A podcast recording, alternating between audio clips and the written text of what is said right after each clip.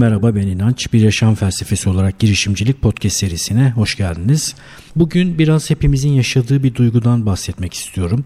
Böyle ara ara gelir ya hissiyat, bir şeyler başaramadığın hissiyatı, boşa kürek çektiğin hissiyatı, patinaj yapmış olma hissiyatı.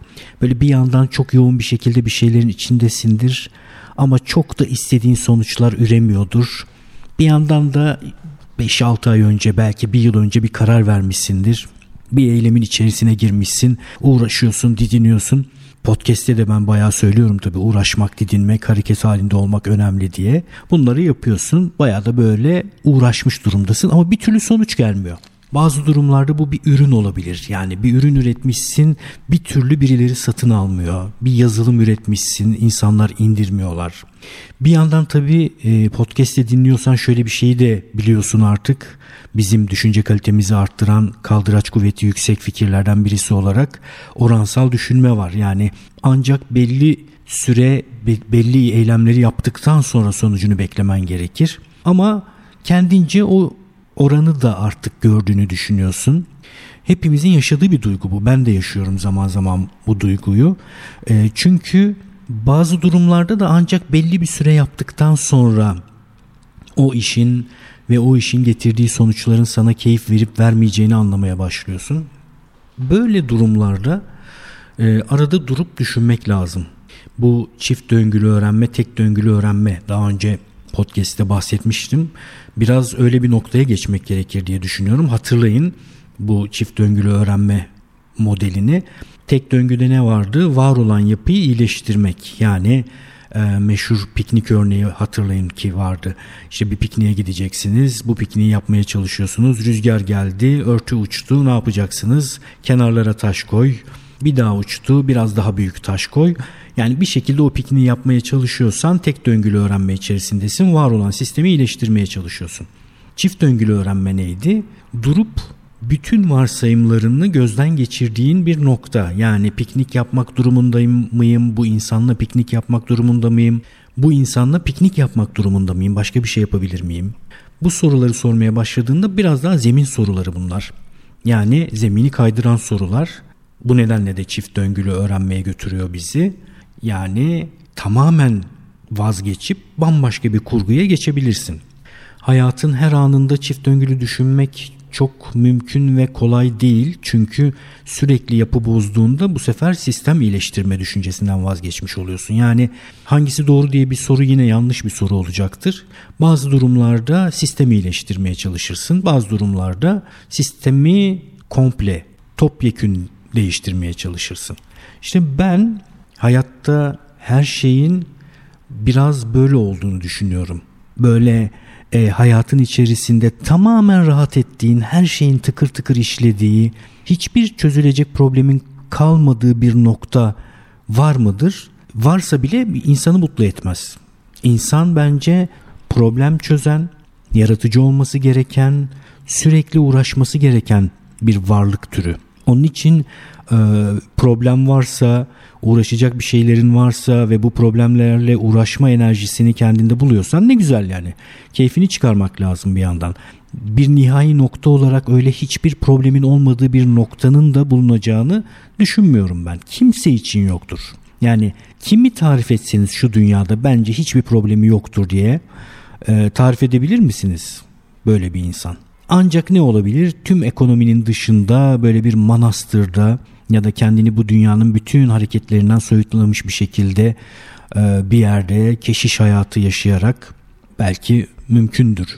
Ama ekonomi bu podcast'in konusu o ya yani ekonomi dışı bir şey bir, bir şeyin üzerine fikir yürütmüyorum ben. Yani ekonomi dışında e, başka bir sürü kurgu olabilir. Benim ilgimi çeken kurgu biçimi ekonominin içerisinde insanın kendi e, varlığına bir anlam bulması. Yani niye öyle düşünüyorum? Çünkü e, ekonomi dışı çözümler ayrı kurgular gerektiriyor. E, bana kalırsa biraz daha fazla adanmışlık gerektiriyor. Ben biraz daha ekonomi içi kurguları tercih ediyorum.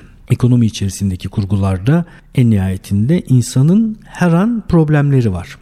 Bir kere bunu tespit etmiş olalım. Yani e, vah vah sürekli problem çözüyorum demenin bir anlamı yok. Ama bir yandan da tabii ki dikkat etmeniz gereken noktalar var. Hani şu işaret meselesi çok önemli ya. Ben hayatın belli noktalarda işaret okuyup sistem içerisindeki kurguyu değiştirmek, sonra o yeni kurduğun kurgu içerisinde bir dönem iyileştirme yapmak, sonra yine arada işaret okumaya devam etmek olduğunu düşünüyorum. Bu nedenle dönemsel olarak hepiniz gibi ben de bir takım kurgular oluşturuyorum. Bu kurgular içerisinde bir takım iyileştirmeler yapıyorum. Sonra bu iyileştirmeler sırasında ve belli bir yol aldıktan sonra işaret okumaya devam ediyorum. İşte bu duyguda işaretlerden bir tanesi bence. Yani acaba ben şu an patinajda mıyım? Bu duyguda nereden gelir insana? Ya sonuçlar tatmin etmez insanı ya gerçekleştirdiği şeyi gerçekleştirdiği anda karşısında görünce aslında belki de çok da aradığım bir şey değilmiş diye düşünmeye başlar. Bu da kötü bir duygu değil bu arada. Gerçekleştirmeden bunu bilmemiz mümkün değil yani ancak gerçekleştirdikten sonra gerçekten isteyip istemediğini anlayabiliyorsun bazı şeylerde. Önemli olan şeyi kaybetmemek, deneme ve e, öğrenme coşkusunu, merakını kaybetmemek. Ben en dipte en çok bunu takip ediyorum. Yani öğrenme merakımı, deneme coşkumu kaybettiğim durumlarda ise baya baya işin içsel e, kurgusu açısından kendimde bir sıkıntı görmediğim için ağırlıklı olarak fizyonomi şeye falan bakıyorum yani acaba çok az hareket ettiğim için hormonal bir sıkıntı mı yaşıyorum, e, mevsim geçişi gibi bir şey mi yaşıyorum diye oralara bakmaya çalışıyorum. Çünkü en temel duyguyu bu podcast içerisinde bu bölüme kadar dinleyen hemen hemen herkes de halletmiştir diye düşünüyorum. Yani bu hayat problem çözmekle geçen bir hayat. Aktüellere değil potansiyellere odaklanacağımız, odamızı içsel tutacağımız bir hayat diye düşünüyorum. Patinaj durumlarında ya da acaba gibi böyle bir işaret aldığım durumlarda e, filtreler kullanmaya çalışıyorum. Bir kere o işe karar verirken zaten filtreler kullanıyorum. E, size de o filtrelerden önermek istiyorum. Bir kere her ne yapıyorsam yapayım o yaptığım şeyi terk etsem bile bıraksam bile orada edin, geçirmiş olduğum zaman ve edinmiş olduğum becerilerin bir yerlerde kullanılması önemli benim için. Yani o şeyi yaptığım sürece o şeyi yapmayı bıraksam bile orada geçirdiğim zaman transfer edilebilir bir takım şeyler kazandırıyor mu bana?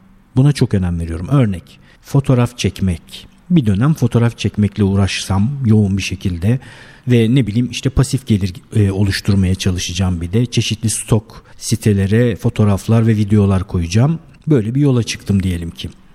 Bu yola çıktığımda ben başlarım, sistemi kurgularım, işte öğrenirim önce hangi sitelere koyuyoruz bu fotoğrafları, videoları, o fotoğraf ve videoları neyle çekmek lazım, nasıl teslim etmek lazım, ödemeleri nasıl alıyoruz. Bütün bunları araştırıp yola çıkarım ve yoğun bir şekilde deli gibi çalışmaya başlarım. Yani yüksek aksiyon alırım ve bir süre sonra bazen bir miktarda para kazandığım halde birden içime şöyle bir his gelebilir. Ya galiba ben dolaşıp bir yerleri gezip ışıklar ayarlayıp bir takım fotoğraflar ve videolar çekip buradan para kazanmak istemiyorum diyebilirim. Ben işte bu yolculuğa çıkarken daha bu işin kendisinin ve burada geçirilen sürenin bana bir şey katıp katmayacağını da dikkate almaya çalışıyorum.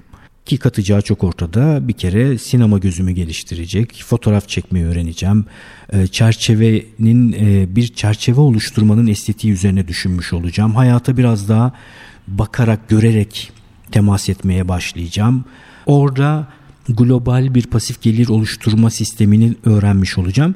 Böyle bir sürü şey geliştireceğim için bu benim hadi bakalım yapıyorum diyebileceğim bir iş tipidir. İçime bir his oturursa da 9 ay sonra 10 ay sonra bir sene sonra hiç umurumda olmaz pat diye bırakırım. O bırakma noktasında bu bahsettiğim filtreyi kullanılmış olduğum için benim açımdan yine öğrenmekle ve keyifli geçen bir süreç olacaktır. Bıraktığım için de kendimi üzgün hissetmem. İkinci filtre yani birinciyi tekrar hatırlatayım. Başka bir şeye geçtiğimde orada geçirmiş olduğum zamanı bir şekilde kendi yaşamıma transfer edebilecek miyim buna bakıyorum. İki, beceri geliştiriyor mu? Yani beceri geliştirmiyorsa benim açımdan o mekanik, rutin, herkesin yapabileceği bir iş kategorisine giriyor. Benim de ilgimi çekmiyor. Muhakkak nasılları olması lazım o işin. Öğreniyor olmam lazım. Beceri gelişmesi lazım. İki bu. Üç, hikayesi güzel mi? Buna da bakıyorum. Yani hikayesi güzel miden kastım tabii ki şu. Anlatıldığında ben bu işi anlattığımda bu işi kendime anlattığımda, başkalarına anlattığımda keyifli geliyor mu kulağıma bunun hikayesi? Yani şöyle bir şeyi anlattığımda mesela yine bu stok foto örneğini vereyim ve video. Bir dönem ben 6 ay boyunca İstanbul'un sokaklarını gezdim. Deli gibi fotoğraf çektim, video çektim. Deli gibi uğraştım. Çok ciddi fotoğrafçılığı öğrendim. Dijital fotoğrafçılığı geliştirdim. ışık yapmayı öğrendim. Modelle çalışmayı öğrendim. Bir yıl boyunca 40 bin tane fotoğraf çektim. Bu mesela benim kulağıma hoş gelen bir hikaye. Birinden dinlediğimde de kulağıma hoş gelecek bir hikaye. Dolayısıyla hikayesi güzel. Yani hikayesinin güzel olmasına da önem veriyorum ben. Hikayesi güzel olmayan şeyler bana çok böyle yine ortalama geliyor. Biliyorsunuz artık ben ortalamadan kaçmaya çalışıyorum. Yani ortalama bela bir şey. Her açıdan bela. Ortalama siyasetçi de bela, ortalama insan da bela, ortalama espri de bela. Ortalamadan uzak durmaya çalışıyorum mümkün olduğunca. Güzel hikayeler de ortalamanın dışında çıkıyorlar. Yani herkesin yaptığı şeyi herkesin yaptığı şekilde yaptın mı zaten normal bir şey yaşıyorsun. Geçmişe bakınca bir de şunu görüyorum. Kendime ve başkalarına anlattığım hikayeler hep böyle uç örnekler, farklı olan şeyler. Bu iki çift döngülü öğrenme açısından bakacak olursak sistemi iyileştirmeyi bıraktırıp bıraktırıp kendime ya da bırakıp başka bir döngüye geçtiğim hikayeler. Onları anlatmayı seviyorum. Onlar bana güzel geliyor. Mesela hayatımın bir döneminde e, haftada 3 bölüm podcast yayınladım. 190 bölüm oldu. 200 500 bölüm podcast yayınladım. Oturdum, kaydettim, insanlara ulaştırdım. Bu bana çok güzel geliyor. Güzel bir hikaye. Onun için bunu sürdürüyorum. Bu hikayesi güzel mi filtresi benim açımdan çok önemli. Ben hikayeye önem veren, seven bir insanım. Sinemayı da sinemanın temelinde de var hikaye. Benim ilgilendiğim bir sürü şeyin temelinde hikaye var. Hatta e, şöyle bir örneğim de vardır. Eğitici eğitiminde hep anlatırım. Kendini tanıtmanın, eğitmenin kendisini anlatmasının çok önemli olduğunu söylerim. Bazen de bana kendimi de anlatırım işte bir 15-20 dakika. Arada şöyle sorular gelebiliyor benim hayatım bu kadar eğlenceli, keyifli değil. İnsanlara 10-15 dakika bunu anlatırsam sıkılırlar. Ben orada şuna vurgu yaparım hep, anlatıcıya vurgu yaparım. Senin hayatını sen senin yerine mesela benim hayatımı, inancın hayatını Jerry Seinfeld anlatsa, Bill Murray anlatsa, Anthony Hopkins anlatsa, Haluk Bilginer anlatsa bu insanlar aynı şeyi mi anlatırlar? Anlatmazlar. İyi, güzel hikaye anlatıcısı meseleye güzel bakıyor ve güzel anlatıyor. Buradan da şu noktaya geliyorum. Aslında bu hayatta yaşadığımız şeyler, hepimizin yaşadığı şeyler, vakalar tek başına bakıldığında kendi objektif değerleri varmış gibi gözüküyor ama o hikayeyi yani o yaşamı yaşayan kişinin onu nasıl hikayeleştirdiği de çok önemli. Yani şuraya geleceğim aslına bakarsanız. Hikayeyi anlatan güzelleştikçe hikaye güzelleşiyor. Yani güzel hikayesi olan insanlar başlarına güzel şeyler gelmiş olan insanlar değil bence.